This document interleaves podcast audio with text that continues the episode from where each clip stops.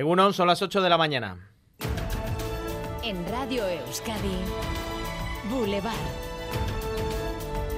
Con Iñaki Larrañaga.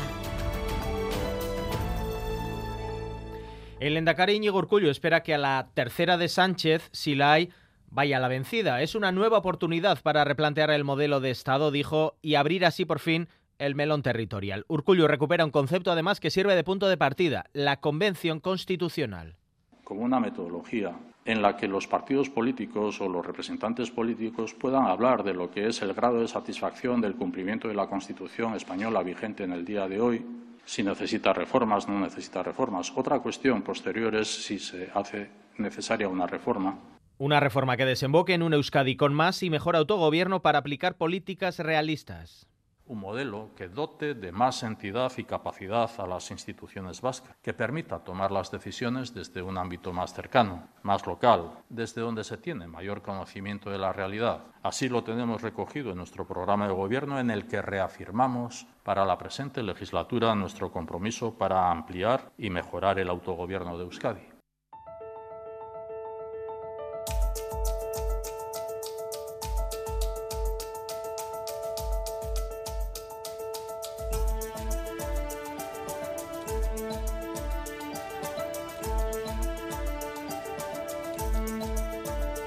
El Endecari en el inicio del curso político en el Palacio Miramar volvía a incidir en la necesidad de un nuevo modelo de Estado. Lo hacía en la antesala de dos intentos de investidura en Madrid, primero Fijó y después Sánchez. Planteamiento de Urcullo que parece sintonizar con el que hacía público en Radio Euskadi el coordinador general de H. Bildu, Arnaldo Tegui, que asume que la prioridad ahora es despejar el panorama político en el Estado y después no dejar escapar una nueva oportunidad. Un gobierno supuestamente de izquierda progresista tiene que demostrar que es capaz de resolver los problemas nacionales en el Estado español de manera democrática. Y creo que si hay investidura, esta va a ser la investidura del debate sobre el modelo territorial. Esta la foto fija del inicio del curso político vasco, del que tal vez a lo mejor hayan tomado nota Feijó y Sánchez, que se van a reunir a las 10 de la mañana en el Congreso de los Diputados sin tener muy claro para qué, más allá de cruzarse reproches. No debería ser noticia y debería sorprender a nadie que el que gana las elecciones se reúna con el que ha quedado segundo. Eso es normalidad democrática, eso es lógico en, cualquier eh, país de la Unión Europea. Estamos ante una investidura que parece más bien un paripé, por todo el folclore que alrededor de la misma está haciendo el candidato, sabiendo que es mentira y que no va a poder conseguir esos apoyos, que no tiene esos apoyos, que está mintiendo a los españoles y que nos está haciendo perder el tiempo a todos. Pues la cita de esta mañana de momento es la única que tiene fijada, confirmada en agenda el Partido Popular. Con quien no se va a reunir Feijó es con Íñigo Urcullo y con Pere Aragonés. Ambos han declinado su invitación.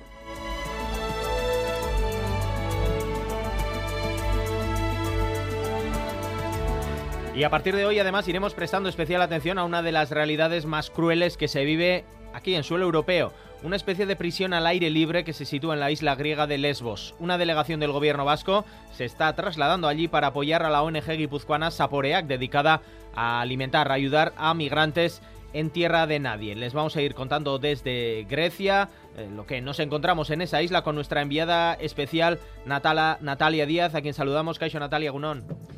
Caixo Gunon, estamos a punto de coger el vuelo. Se trata del primer viaje institucional del Gobierno vasco a Lesbos, con una delegación encabezada por la consejera de Políticas Sociales, el director de Migración y el fundador de Saporea. Dos mil raciones de comida siguen repartiendo cada día, prácticamente sobrepasados. Es la única ONG que lo sigue haciendo. El Gobierno vasco quiere apoyarlos, conocer de primera mano su trabajo y cómo se afronta la crisis migratoria, en la que sigue siendo una de las principales puertas de entrada a Europa.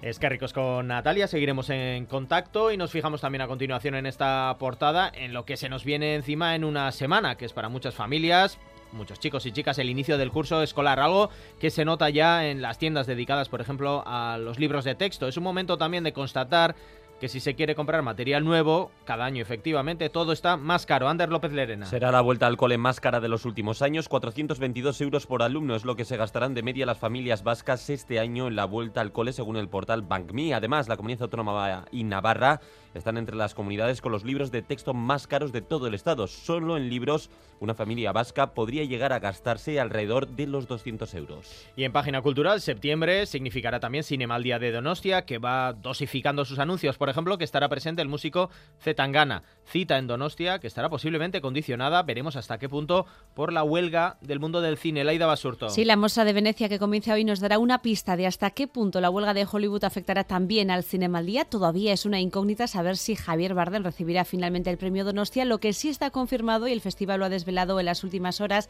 es que el Velódromo de Anoeta acogerá el estreno de las series de Zetangana, también del cómico Berto Romero y también de la nueva temporada de la serie Watson Cinema al Día para todos los gustos. Me está quitando la vida, muy poquito a poquito a poco.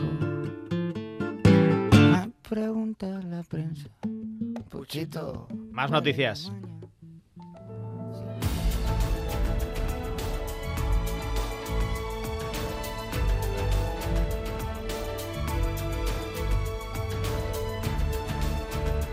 La vacuna contra la gripe podrá administrarse este otoño a los menores de entre 6 meses y 5 años. Leire García. Hasta el momento solamente se ofrecía a las familias de los menores con patologías previas. De esta forma se pretende limitar el impacto de la gripe y frenar su transmisión. En Navarra hoy se celebra la primera reunión del Consejo de Gobierno presidido por María Chivite. Con la incorporación de José Luis Arasti como consejero de Economía y Hacienda, hasta este martes ocupaba el cargo de delegado del Gobierno en Navarra. La vendimia se adelanta a las fechas habituales y ya ha comenzado en algunas zonas de Rioja Alavesa. Han iniciado la recogida de uva blanca en el caso del Chacolí algunas bodegas de Zarauz comenzarán en dos semanas, en Vizcaya a principios de septiembre y en Álava un mes después. Vamos ahora con el avance de la información deportiva con Álvaro Fernández Cadierno, Egunón. Hola Egunón, con el remo como protagonista, la Concha coge esta tarde la clasificatoria femenina, estará allí Radio Euskadi en directo, lógicamente en fútbol. La Real ya sabe que mañana estará en el bombo 4 en el sorteo de la Champions, por lo que tendrá rivales de postín, Osasuna, parte este mediodía hacia Bélgica, hacia Brujas y en pelota al túnel Rezusta. Se metía anoche en el final, la final del torneo veraniego Ciudad de San Sebastián. Hoy segunda semifinal,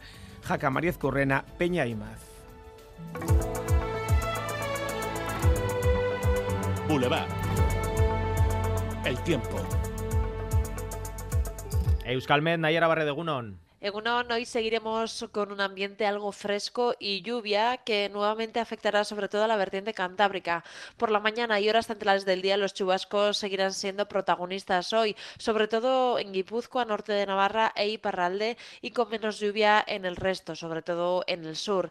El viento seguirá soplando del noroeste y hoy también apenas pasaremos de los 22 grados en muchas zonas.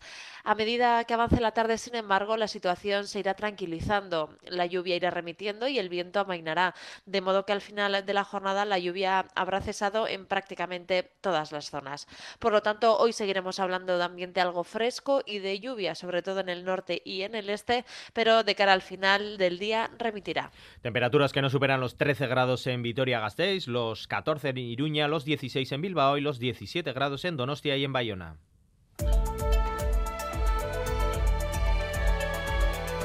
Boulevard. Tráfico.